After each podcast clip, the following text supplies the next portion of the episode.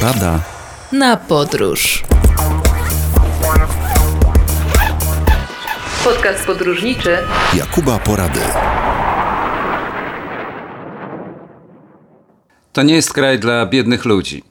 Mam taki tytuł, schowany gdzieś tam w szufladzie, w zakładce komputerowej, przyszłej książki. Nie wiem, czy za pół roku, czy za trzy lata ją napiszę, ale zbieram materiały. Tytuł oczywiście nawiązuje do słynnego filmu Braci Coen To nie jest kraj dla starych ludzi. Ale mój tytuł, nawiązując, jednak pokazuje coś nowego, coś z czym mierzymy się od kilku dekad, ale tak naprawdę teraz większość z nas uświadamia sobie, dzięki podróżom, jaka jest prawda. Chodzi mi o ceny. Chodzi mi o to, że przeświadczenie, iż za granicą to jest na pewno dużo drożej, coraz częściej nie jest już faktem, a staje się iluzją. Bo rzeczywiście dla mojego pokolenia, czyli ludzi, którzy dorastali przynajmniej do matury w PRL-u i mieli dwa paszporty, jeden na kraje socjalistyczne i drugi na kraje kapitalistyczne, to pierwsze zdarzenie z Zachodem, w moim przypadku to była Wielka Brytania w 1989 roku, było o tyle szokiem, że trzeba było wszystko dokładnie sobie przeliczać. Nawet wcześniej, odwiedzając kraje obozu socjalistycznego, czyli Czechosłowację, Węgry. Nie dotarłem do Jugosławii, więc wiem, że tam już był Zachód, ale nie widziałem tego na własne oczy. Tak samo w Enerdówku byłem przez chwilę. Nie zmienia to jednak faktu, że wszędzie tam, gdzie się było, miało się kalkulator i wszystko sprawdzało się dokładnie, żeby nie okazało się, że człowiek płaci w obcej walucie, a z racji tego, że nie było euro, więc każda waluta, tak jak teraz, forinty, no przeliczcie mi, ile to jest 10 tysięcy forintów, utrudniała tak z głowy liczenie, bo trzeba było sobie dokładne rachunki zrobić, żeby wiedzieć, no, że starczy. No i w Anglii miałem identyczną sytuację, ale już wtedy zauważyłem w 1989 roku, jak pracowałem jako kitchen portier, czyli pomoc kuchenna, w restauracji pięciogwiazdkowego hotelu Eccleston przy stacji Victoria, tam gdzie podjeżdżały autobusy i pewnie dalej podjeżdżają, bo dawno w Wielkiej Brytanii nie byłem autobusem. A to bardzo popularny środek transportu, bo jak kolega mi kiedyś powiedział, Zdziwionemu, dlaczego nie latają ludzie samolotami, mówi stary, a silnik od samochodu jak przewieziesz? A moi znajomi przewozili. Chodzi o to, że znacznie więcej ładunku można z sobą zabrać i trzeba, i warto nawet się pomęczyć, ale przy przeprowadzkach jest to istotne. Wracając do meritum, pamiętam, że pracując wtedy w tym hotelu, w tej restauracji, jako zwykła pomoc kuchenna zarabiałem 100 funtów tygodniowo. Około 100 funtów. Czasem to było 98, czasem było 105, zależy ile było dyżurów, ale średnia była 100 funtów tygodniowo. Trzeba było oczywiście zapłacić z tego za mieszkanie, za pokój, na życie, za komunikację, no i coś tam zostawiało na czarną godzinę, także można było je odłożyć i, i kupić sobie czasem jakąś yy, fanaberyjną sprawę, zrobić sobie po prostu prezent. Pamiętam, że stołowałem się za pizzę za funta, bo taka była przy mm, Oxford Circus, przy tych centralnych głównych ulicach, tam gdzie jest Piccadilly, gdzie jest pomnik Rosa, były różnego rodzaju knajpy, gdzie rzeczywiście taki slice, kawałeczek kosztował funta, a sałatka była za darmo, więc dawałem tego funta i nakładałem sobie gigantyczną ilość mm, takiej siekanej e, marynaty, która była piekielnie ostra. Piekielnie chodziło o to, żeby nie można było dużo zjeść, ale ja dużo zjadałem, bo zależało mi na tym, żeby oszczędzać. Mimo to, wtedy, w tym 89 roku, idąc ulicą, żeby z kolei zaoszczędzić kilka przejazdów na metrze czy na autobusie, zauważyłem w komisie samochodowym samochód marki Mini Morris, czarny. Taki jak jeździły Jaś Fasola. Jeszcze wtedy chyba nie znałem Jasia Fasoli, ale no teraz każdy wie, jakie to było autko. Czyli nie wielkich rozmiarów, ale dość miło wyglądające dla oka. To auto, nie mam zielonego pojęcia, czy było w stanie idealnym, czy było w stanie tragicznym. Prawdopodobnie z powodu ceny na pewno warto by się mu było bliżej przyjrzeć, ale to nie zmienia faktu, że wyglądało pięknie, było wyczyszczone, wypucowane, nie jak czasem u nas auta, mimo upływu tylu lat ciągle stoją jakieś zapaskudzone i zabrudzone w komisach, co powinny po prostu lśnić jak w amerykańskim filmie, bo na tym polega zasada sprzedaży. Nie tylko na tym, żeby wszystko działało pod maską, ale to auto kosztowało 99 funtów, czyli moją tygodniową pracę. Ja miałem 100 funtów, 99 jeszcze funt by mi został na tę pizzę.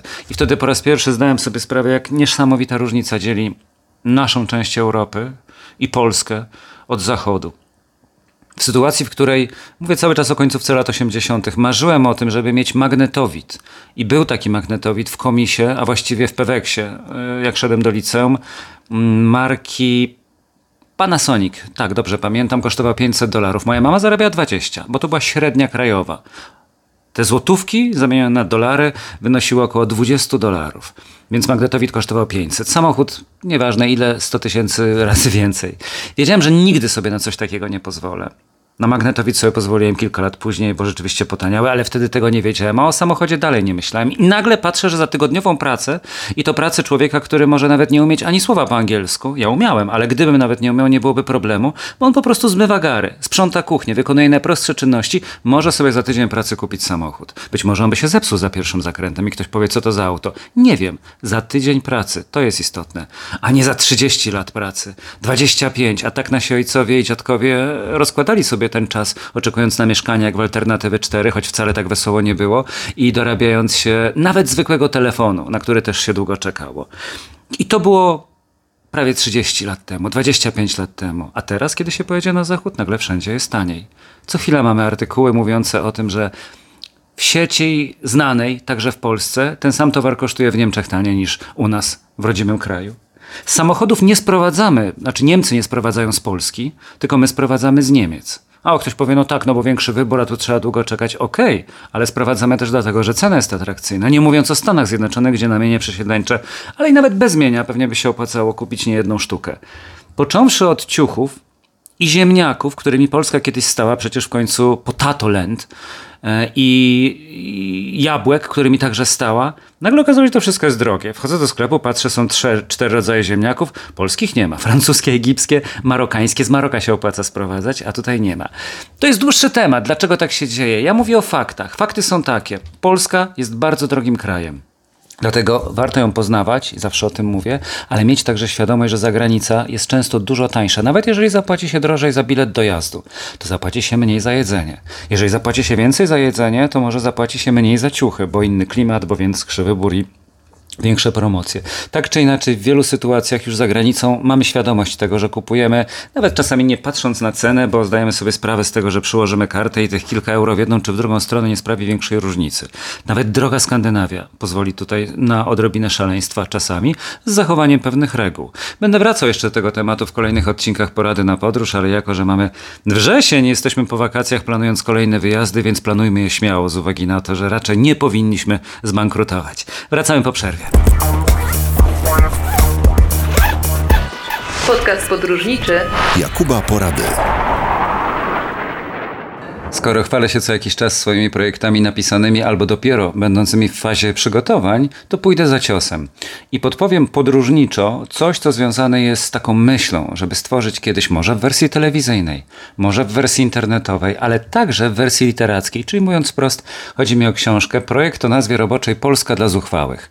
Zastanawiałem się, jak go nazwać, i w pierwszej chwili chciałem tak na brudno napisać sobie mm, miasta mniej znane, mniej popularne, myślę miasta upadłe może, ale to by po pierwsze było niesprawiedliwe, dlatego że w miastach, o których chcę powiedzieć, jest dużo atrakcji, tylko one nie stoją w tym pierwszym szeregu naszych podróżniczych wyborów, bo nie mają morza, nie mają gór i może nie kojarzą nam się z jakimiś super fajnymi atrakcjami, aczkolwiek brak gór i morza też nie stanowi przeszkody, bo słynny Zator, gdzie jest Energylandia, nic takiego nie ma, no ale ma wybudowane gigantyczne parki rozrywki, w związku z tym tam się na to nastawiamy, że jedziemy.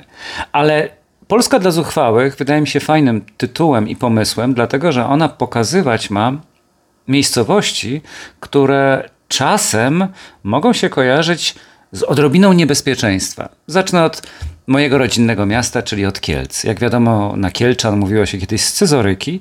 Ja to już wyjaśniałem, że ta nazwa, która jakoś tak po wojnie się upowszechniła, ale nawet jeszcze na chwilkę przed nią związana była rzekomo z tym, że to waleczny naród, że agresywny, że ten scyzoryk zawsze pod ręką, że jak ktoś mi kiedyś tłumaczył, była budowana mm, nowa huta, e, wtedy jeszcze pod Krakowem. Teraz jakby powiedział ktoś z podkrakowskiej nowej huty, to by bardzo się obrazili mieszkańcy. Ja tak kiedyś powiedziałem w poranku niechcący, musiałem się potem gęsto tłumaczyć. Więc krakowska nowa huta, jakby budowany Śląsk na nowo, czyli odzyskiwanie tego wszystkiego, co zostało zniszczone przez wojnę, no to dużo osób ze Świętokrzyskiego, z tak zwanej Szkieletczyzny, no i dalej z Kresów i z terenów wschodnich, czyli z Podlasia i głównie z Lubelszczyzny, jechało na ten Śląsk, na te, na te nowe tereny i ten scyzoryk służył zarówno do tego, żeby obrać ziemniaki, kiełbasy, czy w razie czego się obronić. Ale prawda jest banalna, a może nawet nie banalna, ciekawa. Po prostu przed wojną była ta huta Ludwinów w Kielcach i wyrabiano scyzoryki. Lance dla ułanów, szable i scyzoryki. Ale to właśnie trzeba wiedzieć i warto pojechać na przykład do Kieleckiego Parku, gdzie kiedyś krążyła taka anegdota, że w tym parku to same e, żyletki z drzew spadają. Ja w tym parku spędziłem nie jeden wieczór i nie jedną noc i jako kielczanin z krwi i kości, mieszkający tam aż do matury, czyli do 18-19 roku życia, a później przez przyjeżdżający regularnie na weekend, muszę powiedzieć, że nigdy nic złego mnie tam nie spotkało, ale powstało przekonanie, że w tym parku to jest niebezpiecznie po zmroku.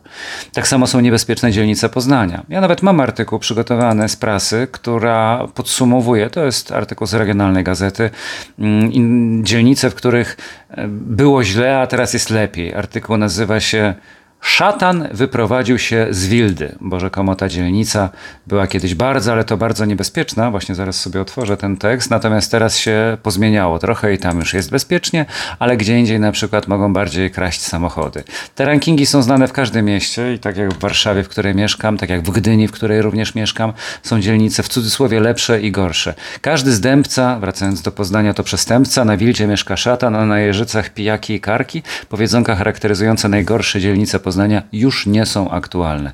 Tak rozpoczyna się artykuł mówiący o tym, gdzie w Poznaniu jest bezpiecznie, a gdzie bezpieczniej mniej. Ale to ciekawe moim zdaniem, żeby poznawać też od tej strony miasta, nie tylko rynek w Poznaniu i nie tylko targi słynne albo jezioro Rusałka czy jezioro Malta. Śląskie klimaty to w ogóle jest cała odrębna historia, bo mamy miasta, które są na pograniczu, miasta, które należą do Zagłębia, więc warto by to było też połączyć, żeby z jednej strony mieć Sosnowiec i Dąbrowę Górniczą i zwiedzić, poznać, a ja znam akurat te regiony, bo jak w latach 90. nie mogłem znaleźć pracy, chociaż pracowałem w telewizji polskiej w oddziale e, katowickim i prowadziłem wszystkie najbardziej elitarne, można powiedzieć, programy, ale zarabiałem 200 zł, więc musiałem znaleźć sobie pracę i znalazłem w Beverly Hills Video, już nieistniejącej sieci wypożyczalni wideo. Ona była właśnie w Sosnowcu Zagórzu na Braci Mieroszewskich. To była długa ulica i ona nie należała do bezpiecznych, zwłaszcza po zmroku, ale też nic złego mnie nie spotkało, co nie zmienia faktu, że to są takie dzielnice, które warto moim zdaniem również poznać, bo czy pojedziemy do Radomia, czy pojedziemy do Legnicy, czy pojedziemy do e, wspomnianego Zagłębia, albo na przykład do Świętochłowic, czy Mysłowic, to zawsze tam znajdziemy coś, co warto zobaczyć, tak jak w Radomiu Stary Ogród, którym kiedyś mówiłem w jednym z odcinków. I Muzeum Wsi Radomskiej. To tak na szybko, a dużo jeszcze innych rzeczy jest interesujących. Warszawa sama to może być oddzielny rozdział, ale właśnie ta Warszawa e, z dzielnicami, które teraz się rozwijają dynamicznie, myślę tutaj o różnych praskich stronach, ale ciągle mają takie swoje czarne rewiry. Oczywiście nie namawiam nikogo do tego, żeby ryzykował, broń Boże. Chodzi mi tylko o to, żeby poczytać, w miarę możliwości popatrzeć, może przejechać autobusem i wybierać sobie czasami kierunki, które nie do końca kojarzą się z wyjazdem. Czyli na przykład urlop na Śląsku, wolne żarty. Kiedyś robiłem taki odcinek w Dzień Dobry TVN i mówiłem, ok, może nie musi być urlop dwa tygodnie, ale na trzy dni nie przyjechać, to szkoda na dwa, może na cztery. I tak samo inne miasta w naszym kraju są fantastyczne do tego, żeby wybierać się do nich. Zresztą za granicą jest to samo. Ja mam bardzo dużo miejscowości na Słowacji, także na Węgrzech, w których obiektywnie nic się nie dzieje. Są to malutkie miasta, a ja się tam dobrze czuję. Świetnie mi się tam przyjeżdża i na tej samej zasadzie mogę wyobrazić sobie miasto we Włoszech albo w Hiszpanii albo w dowolnym innym miejscu na świecie. To jest moim zdaniem istota kolejna podróżowania, żeby, tak jak mówię, Polska dla zuchwałych uzupełniała się z Europą dla zuchwałych czy światem dla zuchwałych. Ale ta zuchwałość ma być nierozumiana w sensie takim, że ktoś pójdzie urkę burkę i zacznie rozrabiać, tylko takim, żeby wytyczał sobie ciągle nowe kierunki w przerwach między podróżami stricte odpoczynkowymi, czyli all inclusive za parę miesięcy, może zimowe narty, super.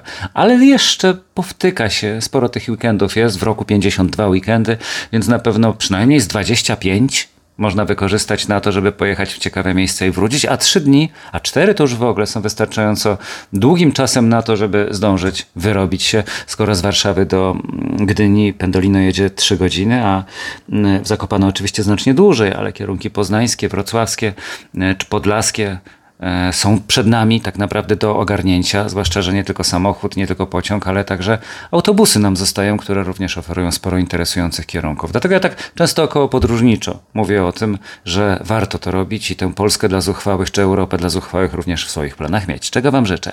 Dziękuję bardzo, do usłyszenia w kolejnej audycji. W poradzie na weekend i w poradzie na podróż.